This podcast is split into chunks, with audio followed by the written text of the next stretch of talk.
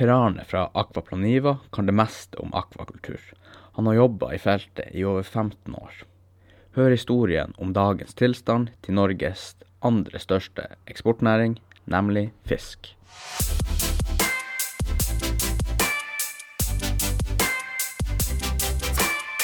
Da, da kjører vi bare på, da. Vi kjører på.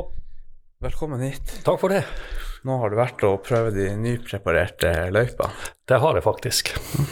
Forleden dag var I går var det litt kaldt, men jeg, jeg gikk meg en god tur i uh, forleden dag. I nydelig vintervær. Ja, det har kommet seg litt nå. Ja, det har vært, eh, det har vært bra. Litt for mye snø for enkelte, har jeg registrert. Ja, nei, det er jeg enig i. Jeg måtte jo bestille en brøyte hjem til meg på i går. Ja. Det var så sinnssykt mye der at eh, man ble bare deprimert av å se hvor mye snø det var. Brøyte også. Ja, med fjorårets vinter sist i minne, så, eh, så er det for så vidt nok nå. Ja. Ja da, det er det absolutt. Men jeg fikk en kar med firehjuling til å komme dit. Det var litt mer enn jeg hadde forventa, Ja. siden det var en lang oppkj oppkjørsel. Ja, oh, ja, det var lang oppkjørsel. Ja, Ja. var leie i kjelleren til bestemor, da, så da er det liksom parkeringsplass nede, og så en hel oppkjørsel man må eh, brøyte. Ja, nettopp. Ja. Nei, det er mange som har de firehjulingene, han har registrert, så det er et fint verktøy for å måke sne med. Mm. Nå har vi en eh, entreprenør i nabolaget, så når det, det virkelig drar seg til og det begynner å bli kamelrygger på avkjøringa, så bruker han å ta seg et sveip innom. Så det, Men da har du jo fiksa det. ja da, det er en eh, veldig fin luksus. Ja. Ja, absolutt. Men du, du er vel en eh, laksens mann, har jeg skjønt det? Ja, det kan du vel kanskje si. Um, vi jobber jo mye med det. Og har jo det som et, eh, et fagfelt da, i forbindelse med jobb, eh, og er veldig glad i å fiske laks også sjøl på sommeren. Ja da, eh, så, så den har jeg et relativt nært forhold til sånn sett. Absolutt. Men var det der interessa starta, da? Den faglige interessen eh, var vel i utgangspunktet knytta til, eh, til eh, fiskerikandidatutdannelsen som jeg tok i Tromsø. Ja. Eh, der eh, kom vel den inn. Så eh, når det gjaldt det med, det med laks, så ble jo det kom jo enda tettere på den jobben der på eh, når jeg begynte å jobbe for Akvaplan Niva i 2005. De har jo jobba med problemstillingen i, ja, siden midten av 80-tallet. Eh, og, eh, og har eh, etter hvert bygd seg opp veldig god kompetanse på kanskje spesielt på akvakultur, men, men også på, på villaksbiten. Og, eh, og det er jo en kompetanse som vi har tatt med oss hit til Alta når det kontoret ble etablert. Så at vi har både den, den akvakulturkompetansen og også villakskompetansen med oss hit til Alta-kontoret eller Finnmarkskontoret. Eh, og det, gjør, eh, det har gjort at vi har på en måte fått en, en slags rolle i, i det Ja, innenfor det spekteret der i, i Finnmark. Da begynte du rett på akkurat Planiva når du var ferdig med den utdanninga? Nei, det gjorde jeg ikke. Jeg begynte der i 2005, jeg var ferdig i 2001 på studiet. Så jeg hadde noen mellomår hvor jeg jobba med litt andre ting. Men det var, det var relatert til, eh, til sjømatindustrien, det også. Så jeg jobba noen år som, eh, med, med markedsanalyse for i et privat selskap som vi eh, Da, da jobba vi med, med eh, Vi studerte de markedskampanjene som eh, det som nå heter Norsk sjømatråd, hadde rundt omkring i verden. Bl.a. i Japan. eh, Så studerte vi effektene av det. Så, så hvordan Ja, hva de fikk igjen for de markedsføringskampanjene. For det er ganske eh, Det het jo da Eksportutvalget for fisk i den tida, før det bytta navn til Norsk sjømatråd. Ok. Eh, og, eh, og de hadde jo en, eh, en, en veldig ut, et veldig utstrakt arbeid med å markedsføre norsk sjømat i utlandet. Kanskje spesielt eh, laks. Det har jo vært med på å, å bygge opp det markedet som Norge per i dag lever av som, som havbruksnasjon, eller kanskje spesielt lakseoppdrettsnasjon. Så da studerte vi dem, og så, så hvordan effekten av dem var. Så det var også et veldig spennende arbeid. Så var det til akvaplanen i 2005. Men hvordan da, når dere skulle gjøre en sånn her eh, Gjøre en markedsføringskampanje i et annet land, er ikke det veldig mye å tenke på da? Ja, og det er jo det som det er jo det eh, Eksportutvalget for fisk, eller det som nå heter Sjømatrådet, er, er veldig dyktig på. da. Mm. De finansieres jo i hovedsak av eksportavgifter på norsk laks. Så betales, eh, betales det en, en viss prosentandel av eksportinntektene til eh, Sjømatrådet. Og de pengene brukes på å kjøre markedsføringskampanjer både på ja, i hovedsak på, på norsk sjømat. da. Både på laks, men også på andre produkter fra havet som leveres fra Norge. Klippfisk, torsk, ja, andre ting. Så, eh, så, det arbeidet der har jo vært eh, viktig og kanskje avgjørende for at eh, eh sjømatnæringa i Norge står seg såpass godt som det gjør i dag. Og jeg har et såpass høy eh, høye eksporttall som, som, Norge har. Så det har jo vært et arbeid som, som har vært veldig artig å følge. da, så er utviklinga av. Parallelt med at man, man kunne ha fulgt eh, f.eks. akvakulturnæringa opp gjennom tida for å se hvordan den har utvikla seg. Så det er et godt stykke historie som er skreven i, den perioden fra da man starta på 80-tallet, kanskje spesielt her i Finnmark, fram til nå. Så det er en veldig artig historie å få innblikk i. Ja. Mm. Og det har kanskje gjort, eh, gjort sitt til at vi har fått, um, fått en, en sentral uh, del av rollen i, uh, i, her i Alta nå, i Finnmark, når det gjelder lakseklyngen, annet. Som vi har bygd opp. Mm. Men hva akvakultur? Hva er det liksom bare alt som skjer i havet? Ja. ja. Det er det. Enkelt og greit. Enkelt og greit, ja. Og i, i verdenssammenheng så er jo bidraget fra norsk akvakultur veldig liten. Mm. Uh, på laks, uh, eller om det er totalt sett, ja det jeg tror det er totalt sett, så bidrar Norge med 1,2% av det totale akvakulturbidraget i verden. Det er ikke mye. Det er ikke mye. Eh, Asia er jo de største, det største området for akvakultur. Der har de holdt på med det her i mange, mange, mange år. Og er fortsatt de, de tyngste bidragsyterne til, til, til matproduksjon via akvakultur. Så det er jo en, det er et fagfelt de har jobba veldig lenge med.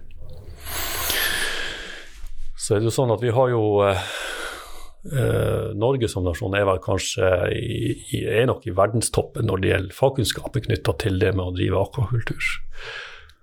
Og har hatt uh, en evne til å industrialisere den næringa der i stor grad. Noe som gjør at vi i dag uh, lever godt av den som, som nasjon. Da. Så der er vi nok fremst i verden på det. Så det er jo litt artig. Mm. Er ikke sånn laks- eller fiskeeksport, er det den andre største eksportnæringa vi har i Norge? I Norge, ja. Det det, ja. Etter olje, olje og gass. Ja, så det er backup-plan hvis alt går til faens med det her oljen? Ja, mange ser jo mot uh, fortsatt mot havet, da, men kanskje andre produkter. Ikke, ikke, olje og gass, men, men den blå åkeren, som man kaller det for at det er der framtida for, for, Norge vil ligge etter hvert som olje- og gass eh, Eh, næringa fases ut. Den tar jo slutt en eller annen gang, og man har jo allerede rigga seg nå for oss for å eh, ha en kurs inn i framtida på hva skal vi leve av i Norge. Så, uh, nå er det jo riktignok et stykke, godt stykke fram i tid, da, men, men eh, vi rigger oss jo til for å kunne, for å kunne utnytte det eh, utnytte havområdene til matproduksjon både med i eksisterende eh, fiskerinæring, altså hvitfisknæringa, sånn som vi kjenner den per i dag. Eh, hvordan skal den se ut framover? Og så kommer jo det med akvakultur i tillegg, da. Som, så alle de bidrar jo til, en, til den totale produksjonen, både i Norge, men også i verden. Så er det jo sånn at vi har jo de, et av de rikeste havområdene i, på kloden utenfor stuedøra vår. Barentshavet er jo svært ressursrikt. Og det er ganske voldsomme med verdier som ligger knytta til fiskerinæringa, f.eks. Det, det er det jo ingen tvil om. Og Det er også gru, kanskje grunnen til at det er en del oppmerksomhet rundt det. Man hører kanskje om trålere som blir eh, arrestert, tatt til land, fiske ulovlig. Så det er en veldig kamp om å få benytte de ressursene. Og det er fordi at det er så store verdier i det.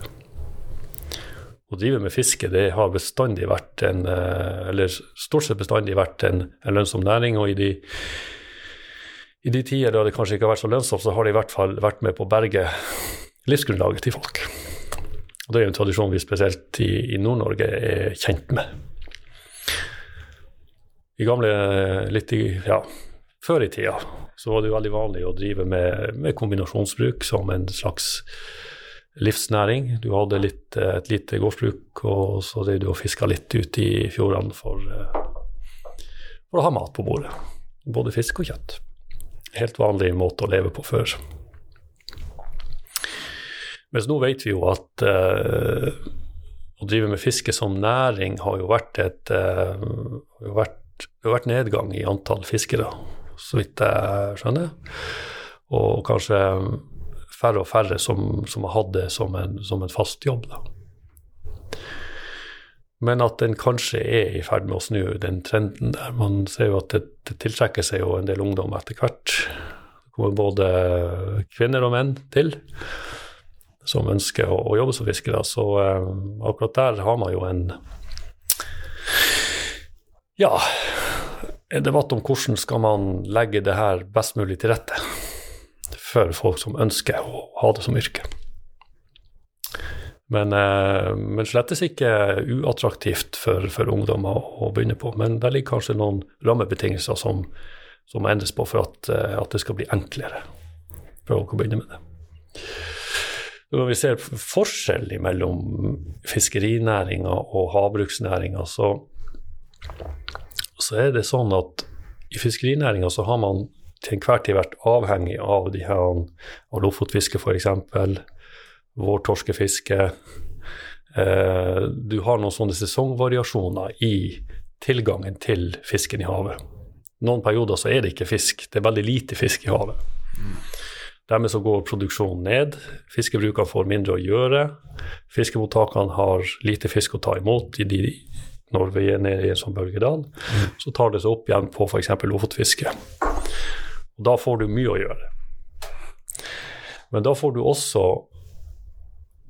mye eh, fisk inn i markedene. Altså du kan tilby en større, større mengde fra Norge. Det vil si at da går ofte prisen ned. Jo større tilbud du har ja. på et produkt, eh, jo lavere pris får du. Så at de her har svingt sånn eh, i usynk, altså du har hatt høy, et høyt tilbud, lav pris, og motsatt. Lavt tilbud, høy pris. Så fiskerinæringa har, eh, har eh, siden dag én vært på en måte prisgitt den svingninga der. Og det har også prega næringa. Og kanskje spesielt fiskerisamfunnene, som har vært veldig avhengige av, av fiskerinæringa som, som, samfunn, fordi det har ofte vært hjørnesteinsbedrifter i fiskeværene. Og øh, når du opp gjennom tida har hatt virkelig øh, store nedturer i i fiskerinæringa så har det også prega øh, fiskerisamfunnene sterkt. Og det har kanskje bidratt til at du har fått en, del Ja, det har vært for ustabilt for folk å bo på sånne plasser. Fordi at arbeidssituasjonen kanskje har vært for uavklart. Eh, så når det gjelder havbruksnæringa, kanskje spesielt eh, lakseoppdrettsnæringa, så har de hatt en annen utvikling som jeg fortalte, så har jo eh, Sjømatrådet, eller Eksportutvalget for fisk, som det tidligere, jobba med marked. Jobba for at norsk laks skal kunne selges på de ulike markedene. Eh, og oppdrettsnæringa har en, en, mer forutsigbar produksjonssyklus. Dvs. Si at den kan produsere en jevn mengde over et helt år. Og Det gjør at man i større grad kan planlegge en markedsstrategi, f.eks. Så du kan hele tida si at ja, vi har en beholdning på x antall tonn, og det kan vi levere 24-7, 365. Altså hver dag hele året. Dermed så får du en bedre avtale med dem som kjøper fisken. Du får en avtale som går over lengre tid. Du får en mer stabilitet i markedet. Så at det her, Og den mekanismen der har jo selvfølgelig utvikla seg over tid og fram til i dag. Eh, men det gjør at du har en mye mer stabil leveranse og et mer stabilt og forutsigbart marked. Og det utgjør de store forskjellene mellom fiskerinæringa og havbruksnæringa som matprodusent. Og Dermed så har du også fått en, en annen stabilitet i selve havbruksnæringa, som f.eks. en arbeidsgiver. Det er mer trygg og forutsigbar arbeidsgiver, for du vet at ja, vi har en produksjonsplan, og den skal vi følge i x antall år, og det går som det går fra dag til dag som planlagt, stort sett. Det er jo selvfølgelig noen utfordringer der òg, men, men eh, du har noen mye tryggere uh, mer forutsigbare rammebetingelser for havbruksnæringa sammenlignet med fiskerinæringa. Så har man jo prøvd å, å tilnærme seg den måten man, uh, man um, driver havbruksnæringa på fra fiskerinæringas side. Ved å se kan man få en mer stabil leveranse av torsk f.eks. gjennom et helt år, så at man unngår de her toppene, voldsomme toppene. Uh, og da har man prøvd med f.eks. fangstbasert akvakultur. Mm. Det vil si? Det vil si at man, uh, man fanger torsken levende på havet. Tar dem tilbake igjen til land, ikke på land, men mot land, og setter dem i merdet igjen med fiskebruk. Ja. Og der står de på en måte helt, uh, helt til på en måte toppene av, av markedet er tatt. Og når etterspør etterspørselen begynner å gå opp igjen ute i markedene, da begynner man å ta av den fisken som står i merdet. Ja. Tar man den på land, produserer og leverer. Det blir sånn mellomlagring. Mellomlagring. For, ja, nettopp. Men den er levende. Så det er en måte man har prøvd på. Og en annen måte er den her, som du faktisk sier, altså levende lagring av torsk. Altså Da fôres den ikke, den står bare i ventemerdet. Men det har en tidsbegrensning. Det er vel åtte eller tolv uker du har lov å ha den stående i sånne ventemære før du må produsere den. Så man forsøker på den måten å, å skape en mer stabilt marked, også for torsk. Og ikke lykkes helt med det, men det er en veldig spennende måte å, å, å drifte torskenæringa på, spør du meg. Det er enda noen ordninger som må på plass, noen bedre rammebetingelser som å være til stede for at det skal bli ordentlig solid og forutsigbart, det også. Ja, for det er veldig nytt, akkurat det konseptet? Ja, det er relativt nytt. Det er relativt nytt, Men man låner jo en del tanker fra havbruksnæringa for å på en måte prøve å systematisere det her. Så var det jo for noen år siden eh, en voldsom optimisme knytta til uh, ren oppdrett av torsk. Er bare sånn vanlig oppdrettsanlegg av torsk, ja, rett og slett? rett og slett oppdrett av torsk. Og det ble jo satsa ganske mye penger på det, men den, de klarte ikke helt å knekke den, den koden når det gjaldt å produsere torsken i merdet. Fra, ifra torskeyngelstadiet fram til en ferdigprodusert fisk. Må huske på at den, i forholdsnæringa så har altså starta denne prosessen på 70-tallet. Det med å såkalt domestisere laks. Dvs. Si at man gjør et vilt individ som normalt lever vill i naturen, om til et husdyr. Det kalles for domestisering. Og For å få det til, så må du drive med avl. Og Den avlen har de drevet lenge med i, eh, i landbruksnæringa, f.eks. på kyr og på sauer. Og i annen landbasert matproduksjon. Der driver man med avl. Eh, og eh, den prosessen der har, eh, har man jobba lenge med i, laks, i oppdrettsnæringa for laks. Så at laksen er nå så godt som domestisert som, som man kan få den. Der er riktignok flere, flere Uh, utfordringer som må løses knytta spesielt opp mot sykdom og smitte. Mm. Uh, men det jobber man med. Og også det her med lus. da. Mm. Uh, men det jobbes med. Og den domestiseringsprosessen lyktes man ikke helt med for torsk når man skulle drive med oppdrett på den. Så da ble det på en måte en, en, en stopp i utviklinga der. Så den skjøt ikke så mye fart som man hadde forventa. Så den har ligget brakk en stund nå, og da har forskerne jobba mye med det her med torskeavl. Så at man nå har fått på, på plass en, et mye bedre avlsprogram for oppdrettstorsk. Så det som, eh, det som, kommer til å skje nå de, de nærmeste årene, det er at uh, oppdrettstorskenæringa kommer for full fart.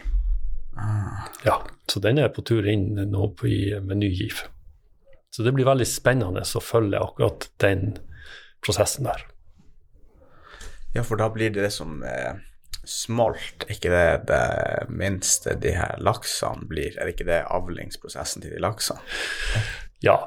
Smolt er jo, er jo torskebarn, for å si det sånn. Eller laksebarn, unnskyld. Mm. Og en smolt uh, har jo uh, en egen evne til å Altså, en smolt lever i ferskvann. Okay. Og før den går ut i havet, så, så begynner den på en smoltifiseringsprosess. Og den prosessen eh, endrer egenskapene til den smolten her ifra å kun kunne klare å leve i ferskvann, men også til å kunne klare å leve i saltvann. Mm. Og den smoltifiseringsprosessen starter før når den begynner å vandre ut av elva. Og så kommer den ut i havet, og så blir den gradvis tilvendt sjøvann. Så starter den på sin ferd ut i storhavet for å beite og for å vokse seg stor. Så kan den enten komme tilbake igjen til elva som ettåring, kiloslaks, eller den kan være flere år ute i sjøen før den kommer tilbake igjen. Det varierer. Men det er det som kalles for en anadrom art. Den kan leve både i ferskvann og i saltvann. Så i Norge har vi i hovedsak eh, tre anadrome arter. Det er, det er laks, sjøørret og sjørøye. Ja. Så det er liksom prosessen. Så, uh, men torsk, uh, når vi snakker om torsk, så snakker vi mer om yngel. Ja. Det er yngel, det er liksom det er ja, Torsken sin Torskebaby. Ja, torsken sin ja. smolt. Ja. Ja. Og den lever jo kun i saltvann og har jo ikke de samme prosessene som en laks har. Så um, ja. Det, nei, det blir veldig spennende å følge akkurat den uh, Hvilken måte blir vi å produsere mat i havet på i framtida? Kjempespennende. Det er, det er jo ikke bare torsk og, og laks som er det mulig å produsere i havet her oppe. Akvakultur kan gjerne være knytta til f.eks. tareproduksjon, som også er i sige, som er et veldig hot tema for tida. Eh, du kan ha muslinger, f.eks. Man prøvde seg jo på skjelloppdrett en periode her oppe i Finnmark. Fikk ikke det helt til. Er det type kråkebolle? Ja, litt kråkebolle, men blåskjell. Ok. Ja. Uh, tare har jeg nevnt, men så kommer det andre arter inn, som f.eks. flekksteinbit. Også et veldig hot tema. En interessant art som også er forska en del på, men som enda trenger eh, litt mer forskning før man knekker den koden ordentlig. Men det er også en høyst aktuell art å sette i produksjon.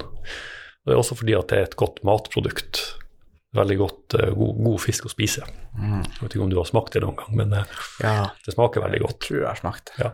Så, Og igjen, det er et marked som er villig til å ta imot et sånt type produkt.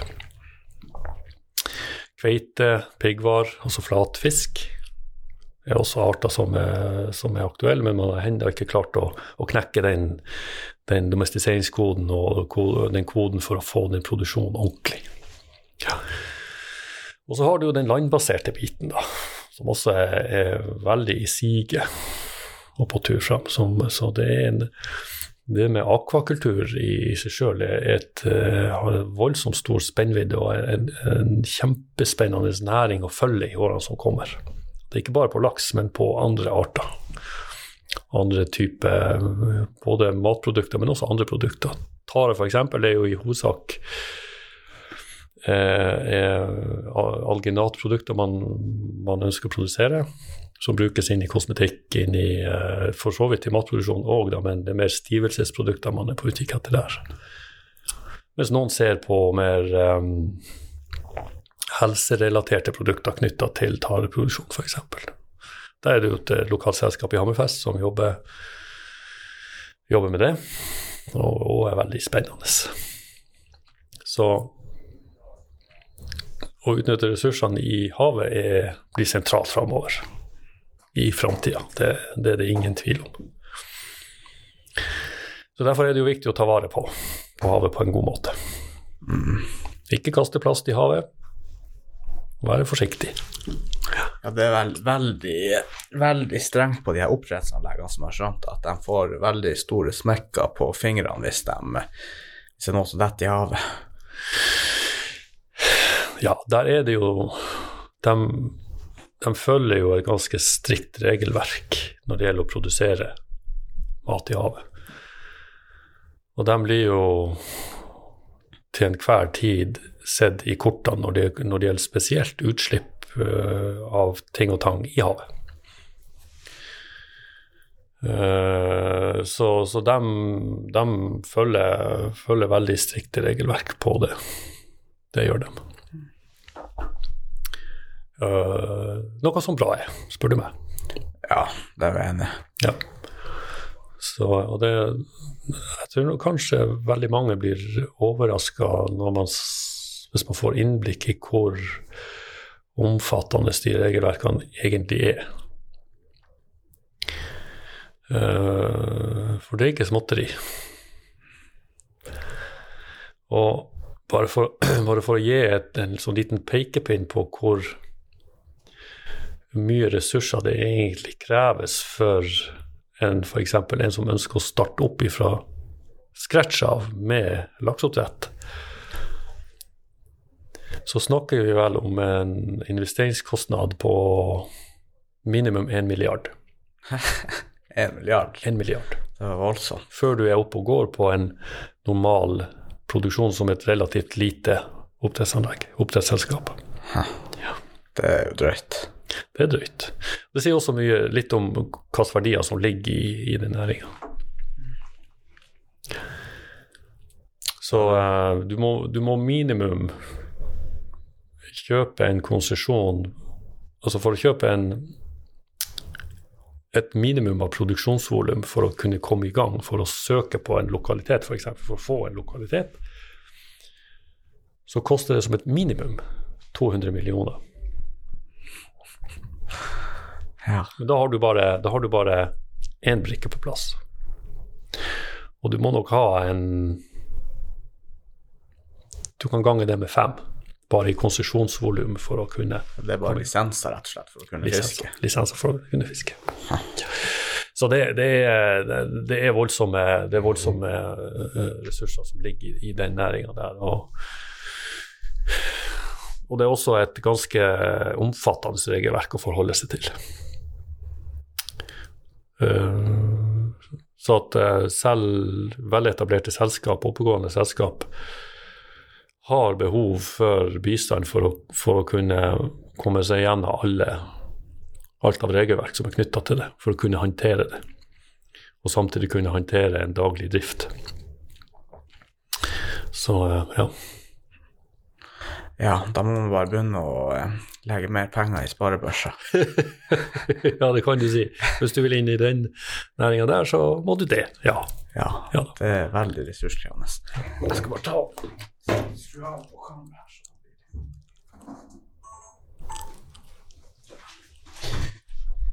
Nei, Jeg har noen kompiser som har snakka sånn smått om at de har lyst til å starte noe sånn eget oppdrettsselskap. Kjøpe noe mære fra Grieg som, eh, som de har eh, ikke i bruk lenger, noe sånn billigmære, å hive ut i havet, og kanskje kjøpe en sånn her mærebåt. Men eh, de snakker om en 10-20 millioner, så det er kanskje litt i minste laget. Ja, det, da, det spørs jo hva de har tenkt å, å gjøre, da. Men, eh, men er, det er nok det er et rigid regelverk som skal oppfylles før du får lov å, å starte opp med noe som helst av akvakultur på laks, i hvert fall. så har man jo i Hvis du prøver på andre arter, så er det nok ikke fullt så rigid. Da legger det nok mer til rette for at uh, man skal få ting til. Mm. Eksempelvis så er det jo en konsesjon på land er jo gratis per i dag. Da betaler du ikke noe for å få en lisens for å produsere. Ja, så det vil bare si en eh, f.eks. landbasert merde. Ja. Det stemmer, det. Og det gjør man for å på en måte stimulere til å prøve. Mm, ja. Sant? Det er, er akkurat som at man får skattelette for å, for å prøve ut nye, nye, ting i næringslivet. Og det er for å, for å tiltrekke seg aktører som ønsker å prøve det. da. Klart Hadde det kosta 200 millioner for en konsesjon på land også, så er det nok veldig få som hadde tort å prøve på det. Og risikoen er for høy. Så uh, ja. Hvordan nå det her denne lakseklynga, hva er hoveddel? Hva er egentlig lakseklynga for dem som, for dem som ikke vet? Lakseklynga er en samhandlingsarena. Samhandlingsplattform for uh, aktører som kan mye om laks, og som jobber med laks. Ikke bare oppdrettslaks, men også villaks. Og da er det man, har, det man jobber i lag med der, er det med kunnskap. Kunnskap om både oppdrettslaks og villaks. For man ser at det er et behov for å dekke noen kunnskapshull, men også å skaffe til veie allerede eksisterende kunnskap som kanskje ikke brukes. Og hensikten med å gjøre det, er at man skal ha en såkalt bærekraftig utvikling av både akvakulturnæringa, spesielt uh, oppdrettsnæringa på laks, og, og, samtidig ivareta villaksen. Det er liksom kjernevirksomheten eh, til lakseklynga. Så vi er, en, måte, vi er en kunnskapsaktør. Men vi, vi, eh, vi jobber i lag eh, med veldig mange. Ei klynge det er jo en, en sammenstilling av, av, mange som har et, et, et, felles interesse eller et felles tema. Uh, og, uh, og, alle medlemmene i klynga er i inngrep med havbruksnæringa, oppdrettsnæringa, på en eller annen måte. Enten så driver de med det sjøl, eller så er de en villaksaktør som ønsker å å, um, å jobbe tett med, med lakseaktører for for å utvikle best mulig kunnskap hele tida.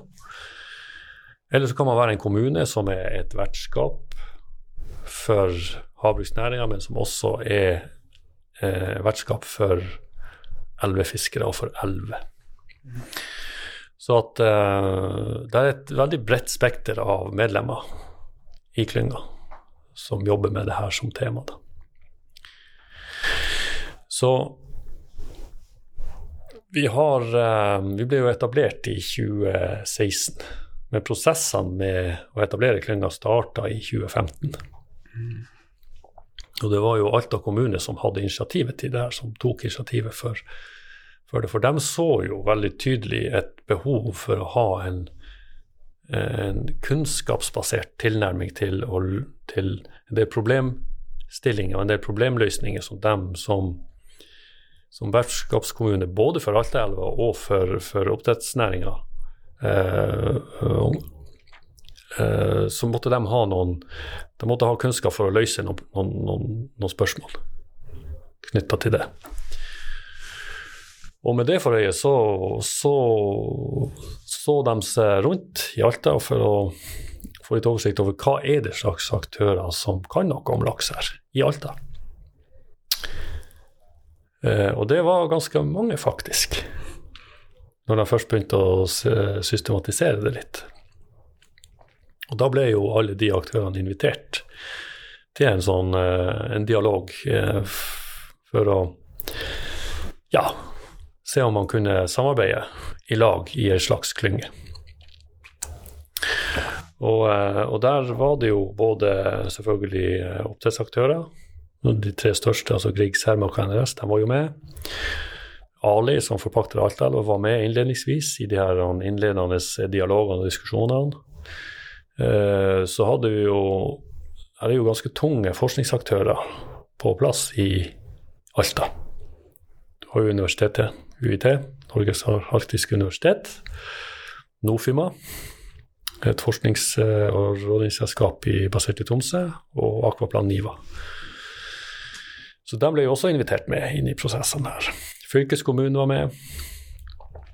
Eh, Jeger og Fisk var vel med, mener jeg. Eh, Kanskje Visjoner var dem? Visjoner var med. De, var, de leda jo de innledende prosessene i det her. De leda på en måte det arbeidet med å, å dra sammen mm. aktører. Pluss flere andre. Så at uh, Det var jo noen kjempespennende møter vi hadde innledningsvis. Uh, og det som var artig, var at det var en veldig sånn stor omforenthet rundt og ja, det her må vi helt klart samarbeide om. Mm. Så det var jo en, en, en, uh, en veldig stor enighet om, om, det. Og det var samtidig også noen tydelige kunnskapshull som alle var enige om at det må vi faktisk fylle. Uh, for det ble diskutert uh, som et steg to i denne dialogen vi hadde med alle aktørene, at hva skal man eventuelt jobbe med i en sånn klynge? Da ble man jo enige om at ok, kunnskap er nok det temaet som er lettest for alle å forholde seg til. Det, blir, det er et slags, det er et slags nøytralt samarbeidstema. Det må utvikle en kunnskap, finne fram til ny kunnskap. Og man kan jo kanskje stille spørsmål om, rundt det her med at ja, hvis nå havbruksaktørene eksempelvis, uh, hva vil de si at vi begynner å, å se på hvor mye uh, deres oppdrettsanlegg påvirker laksesmolten i Alta. Vil ikke det være litt sånn dumt for dem?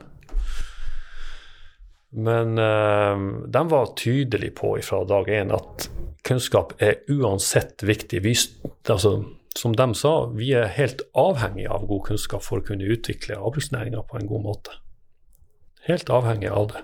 Så Derfor er det helt naturlig for oss å bidra til tema som vi i utgangspunktet kanskje ikke vil få de positive svarene som er bra for oss, men som er bra for en bærekraftig utvikling.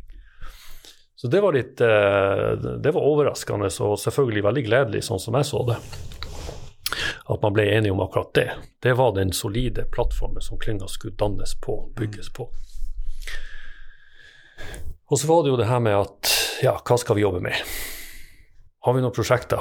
Vi, vi, vi, var ganske tidlig enige om at for å få det her til å virke, for å få det her samarbeidet til å virke, så må vi jobbe med noe helt konkret.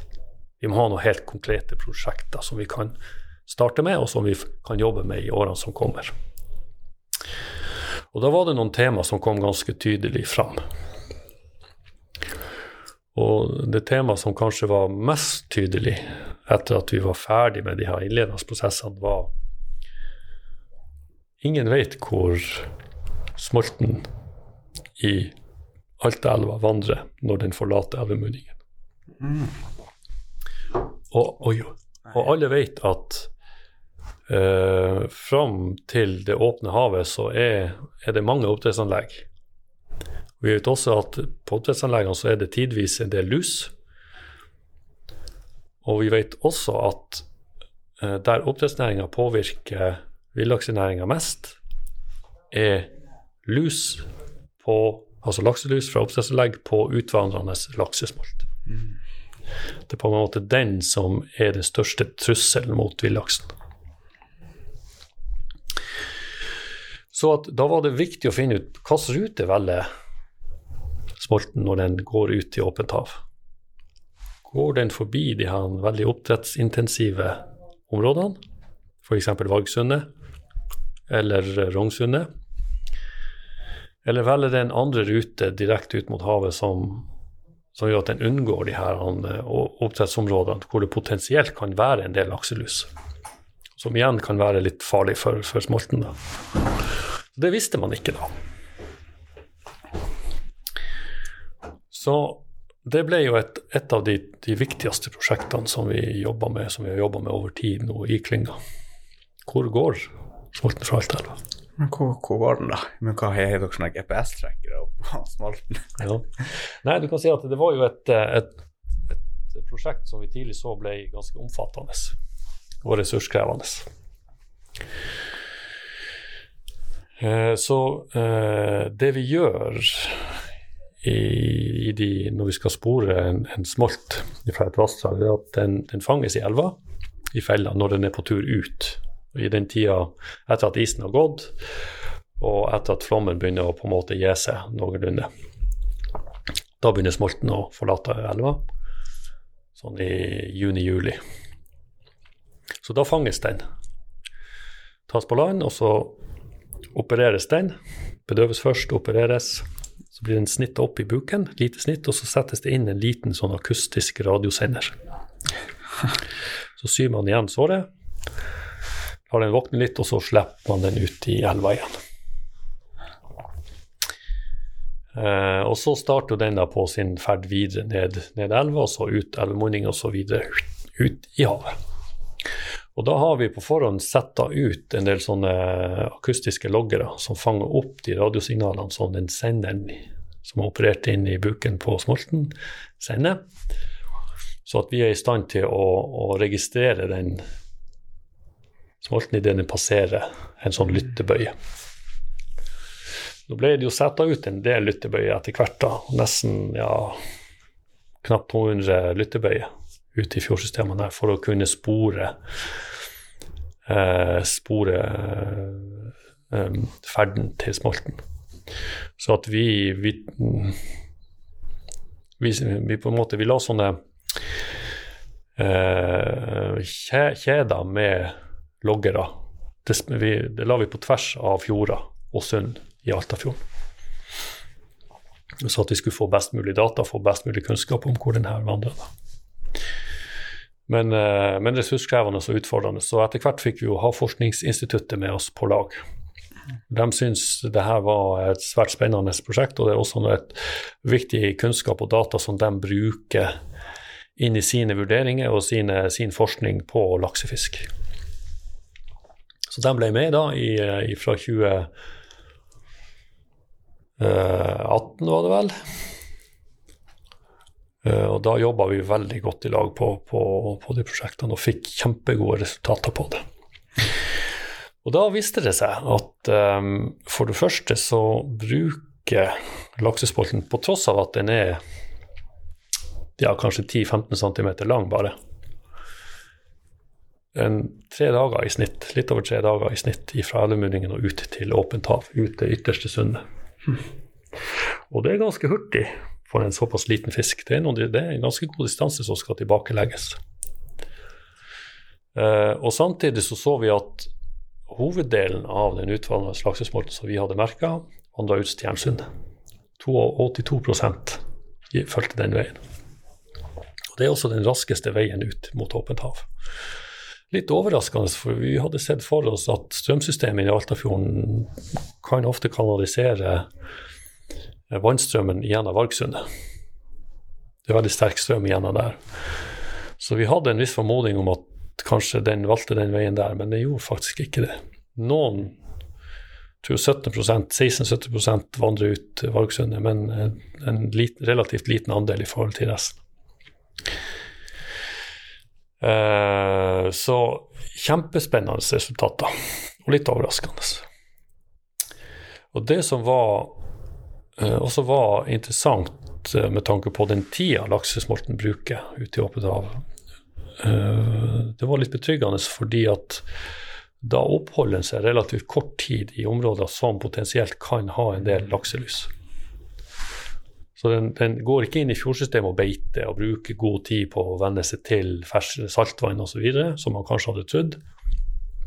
Men den er veldig målbevisst og ønsker å komme seg så fort som mulig ut mot storhavet. Og det er godt nytt. Det er veldig bra, for da unngår den eh, lakselusområder i større grad enn det vi kanskje hadde frykta. Og det igjen eh, sørger for at du får en lav, det som vi kaller på fagspråket for bestandsdesimerende effekt fra lakselus på laksesmolt. Mm. Ja, Det er også- det blir den mer levedyktig, rett og slett. Ja, større prosentandel av den utvannede smolten overlever ferden ut mot åpent hav. Så det var, det var veldig bra. Så fant vi jo ut at eh, altså i 2019 hadde vi et, eh, et pauseår, fordi at da måtte vi eh, sette oss ned og tygge litt på resultatene og, og analysere dem og studere dem godt. For i tillegg til å, å vite hvor smolten vandrer, så ønsker vi også å finne ut hvorfor den vandrer der. Den koden, eller det, eh, det svaret, har vi ikke klart for oss ennå, men vi driver og analyserer de resultatene der. Et av stikkordene der er jo at smolten ønsker saltvann. Hvis den får ferten av saltvann, så, Mm. så følger den den retninga. Men vi skal se. Det kommer resultater på det etter hvert. Ja, for det er nå det siste prosjektet dere holder på med, rett og slett. Ja, det er siste. Og oppfølginga av den, den eh, fra 2018-prosjektet var jo at i 2020 så fant vi ut at ok, den kommer ut av Stjernsundet. Utenfor Stjernsundet så har den to muligheter. Den kan enten følge strømmen østover gjennom Sørøysundet. Sørøysundet er et veldig, veldig strømsterkt område. Og vi har jo en viss formening om at laksesmolten benytter seg av strømsystemet for å haike med den, på en måte. Mm. Det får bedre fart ved å bruke mer strøm enn å kun svømme motstrøms eller bruke egen motor. Så Derfor kunne det være en naturlig rute å følge Sørøysundet videre ut mot åpent hav. Alternativet var at den knekket av til venstre, og så går den ut forbi Lopphavet og så rett ut i storhavet der. Som er den kjappeste veien ut. Um, og da var det jo sånn at ok, hvis den nå knekker av mot høyre gjennom Sørøysundet, hva vil det bety? Jo, da går den igjen gjennom ganske oppdretts, oppdrettsintensive områder. Det er oppdrettsanlegg på, på begge sider av sundene der. Ok. Og det igjen kan også være potensielt uh, eh, mye lus der. Det kan være det. Jeg sier ikke at det er det, men det, det er en mulighet. Uh, så velger den, den ruta, så kan det igjen ha en påvirkning på laksesmolten. Men hvis den igjen velger å gå til venstre, rett ut i storhavet, så er igjen risikoen atskillig lavere for at du får de her bestandsdesimerende effektene på smolten. Nå har vi riktignok ikke alle resultater på plass der, men det er indikasjoner som sier at den går rett ut i storhavet istedenfor gjennom Sørøysundet. Vi har ikke registrert noen merka laksesmolt gjennom Sørøysundet. Og heller ikke i nærheten av oppdrettsanlegg i Sørøysundet. Så det er også svært interessante indikasjoner i det prosjektet der på vandringsatferd til spalten. Så det er kjempespennende. Jo, gode nyheter. Veldig god nyheter. Ja, det, det, det syns vi. Absolutt. Eh, og Der følger jo Havforskningsinstituttet også det prosjektet veldig tett. Der jobber vi jo veldig tett i lag med dem på, på det, og de vil også bruke de her resultatene og, og, eh, og analysene sine til vitenskapelig arbeid videre og på vitenskapelige publikasjoner framover. På, som går spesielt på atferd til, til vill laksesmolt. Så du kan si at de, de prosjektene som vi har kjørt i lakseslynga, er, er veldig viktige bidrag også inn på nasjonalt kunnskapsnivå. Det bidrar til forskning nasjonalt. Og det er bra. Det er vi litt stolte av. Hvordan er det Jeg skulle jo trodd at eh, de aktørene, da, NRS, Grieg og Cermaq, kanskje har mange sånne bedriftshemmeligheter de kanskje ikke er så keen på å dele, eller har det vært noe problem, det? Nei, du kan si at det, akkurat de hemmelighetene der, det har vi Det toucher vi ikke noe innom. Men det som er eh, artig å registrere, er jo det gode samarbeidet de tre aktørene har her i, i, i Vest-Finnmark. Og det er jo eksepsjonelt godt. Og mange sier jo at det er De, de misunner egentlig det, den dynamikken. For det er kanskje ikke så enkelt å få til et slikt samarbeid lenger sør i landet, hvor du har flere aktører og flere, flere selskaper innenfor samme fjordsystem. Noen er store, og så har du noen mindre. Og det samarbeidet er nødvendigvis ikke så bra. Men det gjør, det gjør ting enklere. Og det, det, gjør, det, gjør, sitt til at man får, man får, ting til her oppe i, større, i veldig stor grad, vil jeg si. Det, det er betingelsene for å kunne, for å kunne um, drive på en best mulig måte og ta mest mulig hensyn til omgivelsene som f.eks. havbruksnæringa påvirker, er, er, veldig god. Og det, og det jobber vi ganske tett med. Og, og, det er det som er så fint med klynga, det er at, at du får veldig mange aktører samla til bords for å diskutere en del problemstillinger. F.eks. hvordan påvirker havbruksnæringa omgivelsene sine? Ikke bare villaksnæringa, men også eh, fiskerinæringa f.eks. Eller andre brukere av, eh, av havet. For det er jo sånn at eh, det er ikke bare fiskere og havbruksaktører som på en måte er brukere av kysten. Det er mange andre brukere også. Og det er viktig at man har en god dialog med, med alle sammen, så at man finner de beste løsningene for alle. Og det er noe lakseklynga er svært godt rigga for å gjøre. Det ser vi også opp imot Vi har jo Vest-Finnmarkrådet som medlem. og dem er jo eh, en representant for alle kystkommunene i Vest-Finnmark, bortsett fra Lebesby. Så at uh, å ha alle ordførerne til bords, samtidig som vi har oppdrettsaktørene og forskningsaktørene uh, og de andre medlemmene til bords, så klarer man å komme fram til ganske mange interessante løsninger til hvert.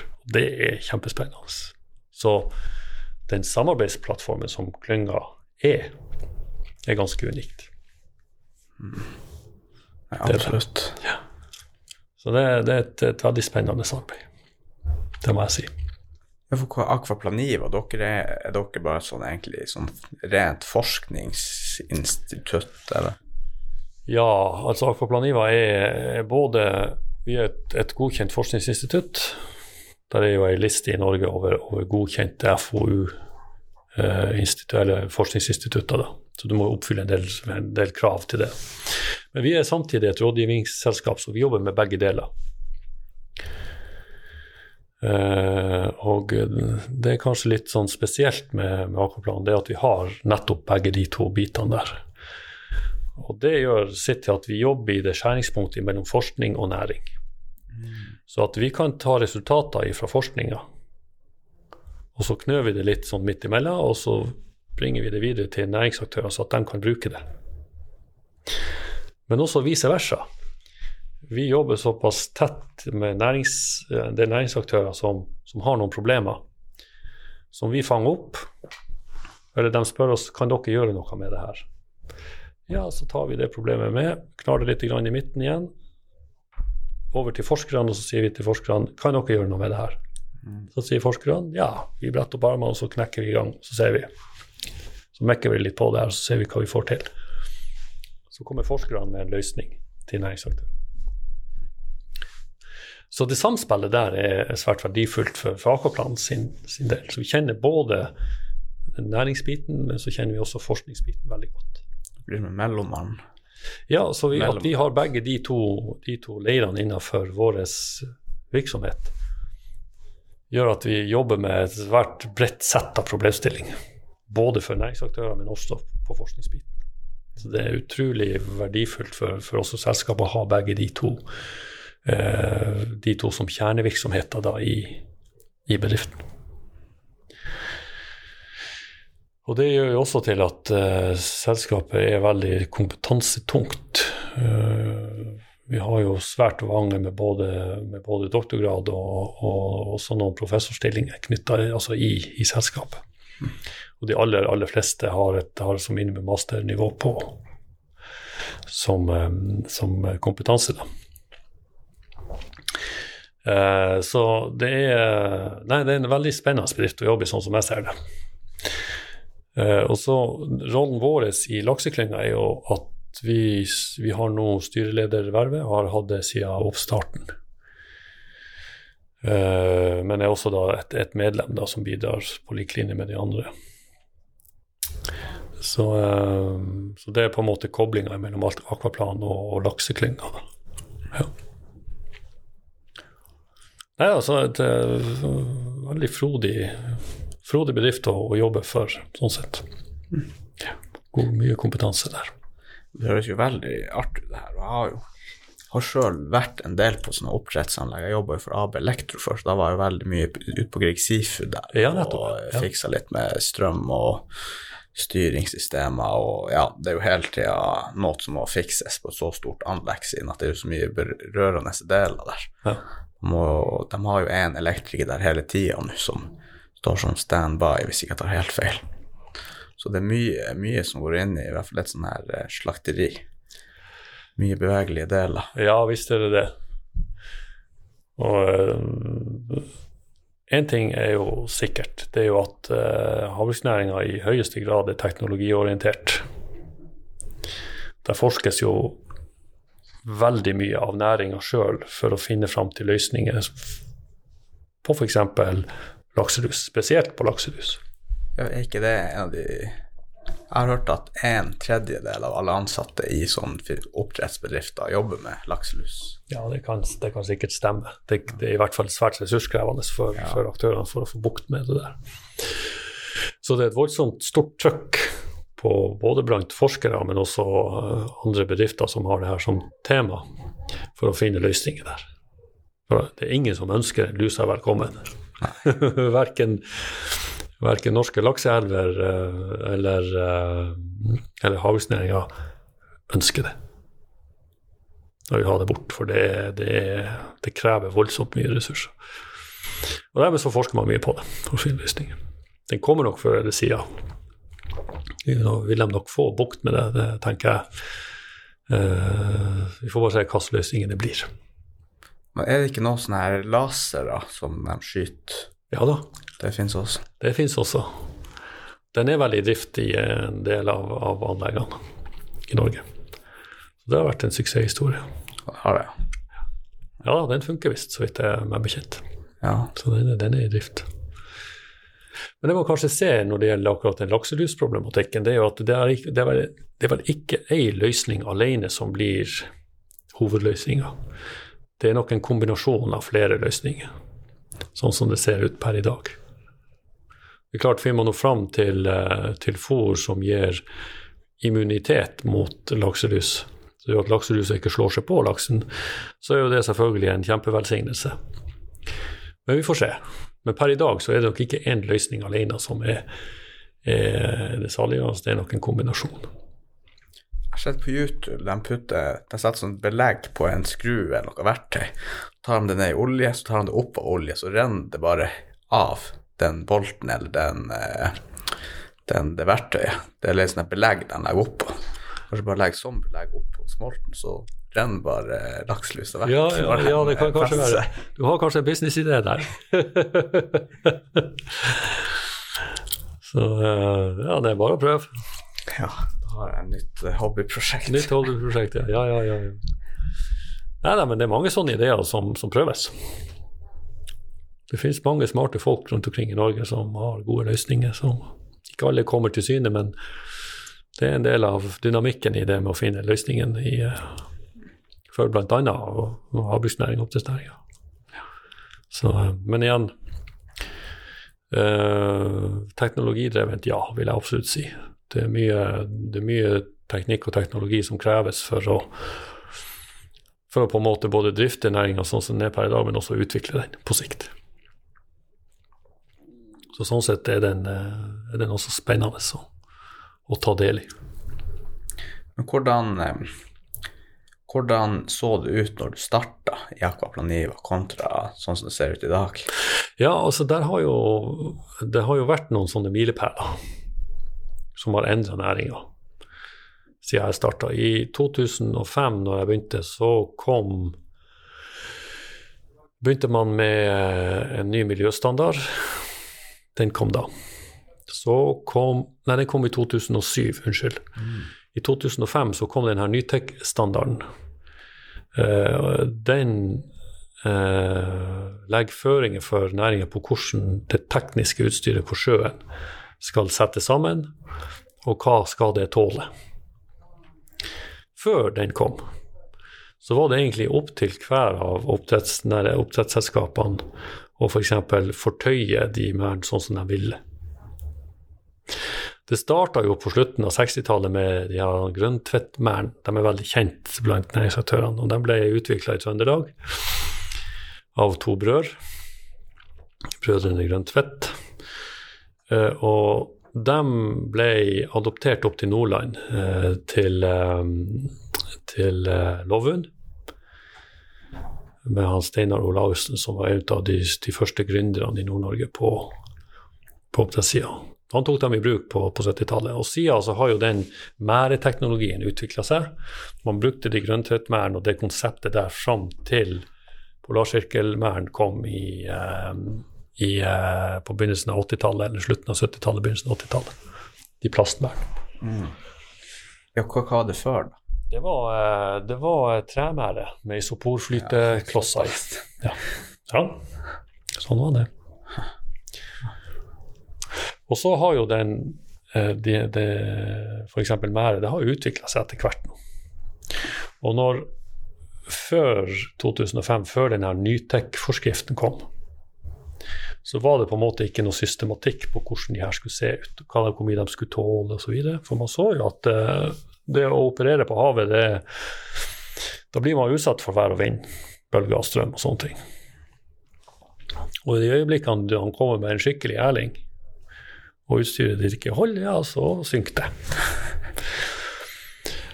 Og det igjen førte jo til at en, en god del laks rømte og gikk opp i elven.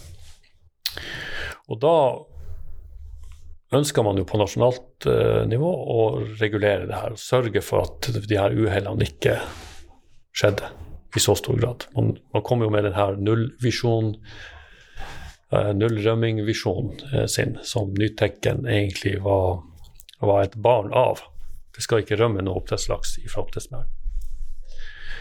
Så fikk man forskriften, og i den forskriften så er det da ramsa opp hvordan skal man forankre et oppdrettsanlegg, fortøye et oppdrettsanlegg. Hvordan skal et, um, en flytekrage se ut, hvor mye skal den tåle? Hvordan skal notposene se ut, hvor mye skal det tåle, osv. Så, videre, og så, videre. så der er det ei hel liste på hvordan ting skal settes sammen, og hvor mye skal det tåle. Mm. Etter at den kom, så har man fått mer og mer bukt med rømning.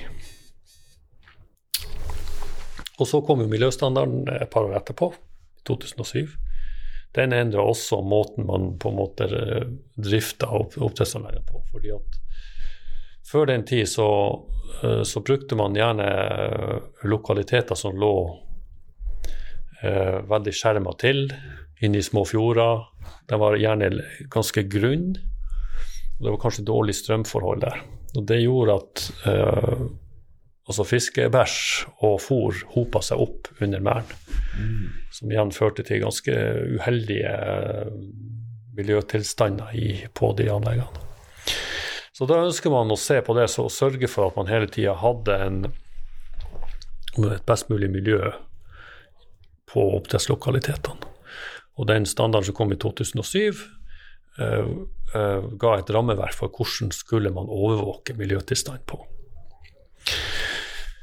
Og så fikk du akvakulturdriftsforskrifta noen år etterpå. eller Den kom vel i 2006 eller 2007, var det? Og den er en forskrift som på en måte regulerer på hvilken måte skal oppdrettsselskapene drifte akvakulturlokalitetene på. Så det var på en måte tre viktige milepæler som kom på, midten på begynnelsen av 2000-tallet. Som har vært med på å regulere næringa også i ettertid på, til en, en, mer på en måte forutsigbar drift på lokalitetene, sånn at man ivaretar miljøet på best mulig måte. Så der skjedde det noe på, på, eh, på begynnelsen av 2000-tallet som har vært eh, veldig sånn, retningsgivende for næringa nå, også i de senere årene. Så har jo selvfølgelig alle de her forskriftene og, og, eh, og, og standardene har jo vært videreutvikla og revidert underveis. Så at den har blitt bedre og bedre tilpassa både næringa sitt behov, men også miljø og de tekniske eh, kravene sine, og tilfredsstille dem på en bedre, bedre måte. Så fikk du jo i 2000 og Når var det den kom? I 20... Var det i 2017? Så fikk du trafikklysordninga. Har du hørt om den? Nei. Nei. Den regulerer veksten i, til oppdrettsnæringa i Norge. Det er sånn at hele kysten av Norge er delt opp i produksjonsområder. Ifra, ifra, ifra Oslo i sør, øst, helt opp til grensa Jakobselv i nord. Og Da er kyststripa delt opp i alt i, i 13 produksjonsområder. Og da er det sånn at eh, du har én indikator per i dag som staten Norge følger nøye med på. Og Den indikatoren sier noe om hvor stort lusepress eller hvor stor bestandsdesimerende effekt det er på laksesmolten i Norge, sånn som det jeg fortalte om tidligere. Mm. Og, den, og den kontrolleres av Havforskningsinstituttet. De sier noe om hvor, det, hvor stor den effekten er. Og så har de noen, noen grenser. Hvis grensa er lav, altså det er lav bestandsdestimeringseffekt, får du grønt lys på trafikklyset ditt i ett produksjonsområde. Mm. Hvis den er medium stor, denne bestandsdestimeringseffekten, så får du gult lys. Ah. Hvis den er høy, så får du rødt lys. Så er det sånn Hvis du får grønt lys innenfor et produksjonsområde, så får du lov til å produsere mer laks totalt i det produksjonsområdet. Dvs. Si at du får en biomasseøkning. Ja. Har du gult lys, så får du ikke lov å produsere mer, men du må produsere samme mengde som du har gjort før. Fordi at da er lusetrykket begynt å bli litt for høyt. Får du rødt lys, derimot, da må du dra ned produksjonen i det produksjonsområdet. For da er lusetrykket for høyt, og du har en bestandsdesimerende effekt på utvannende laksesmalt. Og det gjør man i alle produksjonsområdene i hele Norge. Så den trafikklysordninga den regulerer veksten i havbruksnæringa i Norge per i dag. Ja, så Da bruker de det egentlig når de skal etablere en ny lokasjon, da? Nei, de gjør en vurdering hvert andre år. Ja, ja for de tar en vurdering av det eksisterende? Ja, ja, ja. greit. Sånn. Så da ser de om det har endra seg hvert andre år. Mm. For trafikklyset det kan endre seg fra, til neste vurdering. Det gjorde det nå for siste vurdering, så endra det seg i Troms. Produksjonsområde 11 var det vel, eller 10. Jo også sånn mattilsyn har de der smilefjesene på ja, begynner, ja, ja, faktisk. Ja. Det er ikke så ulikt, det. Nei. Ja.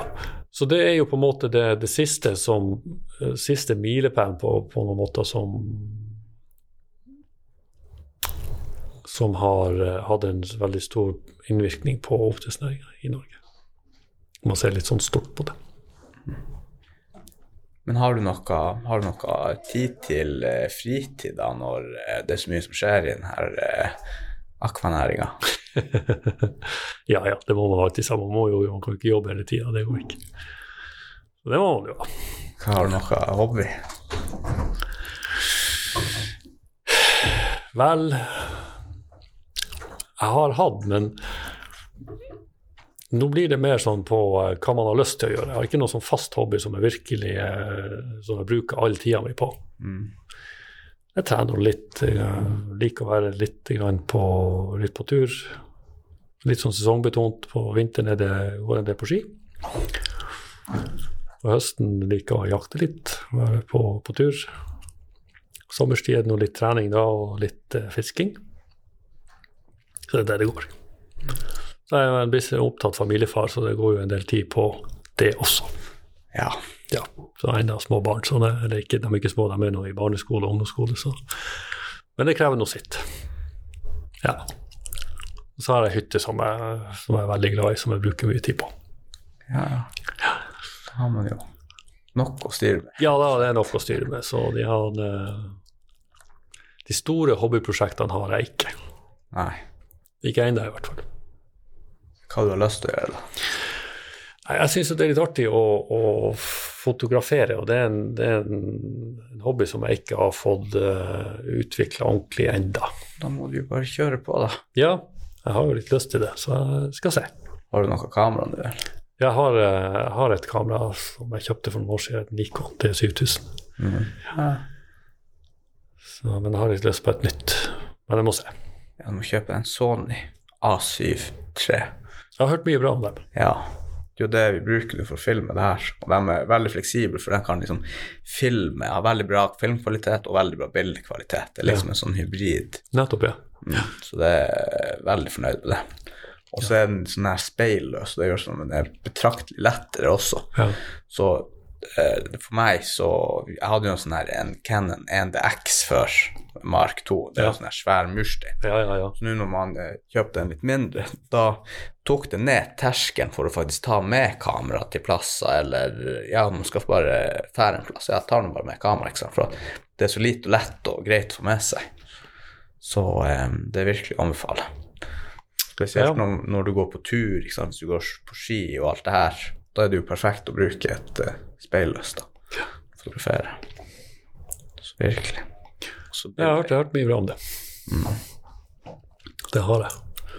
Jeg har sett litt på et kamera som heter Fujifilm.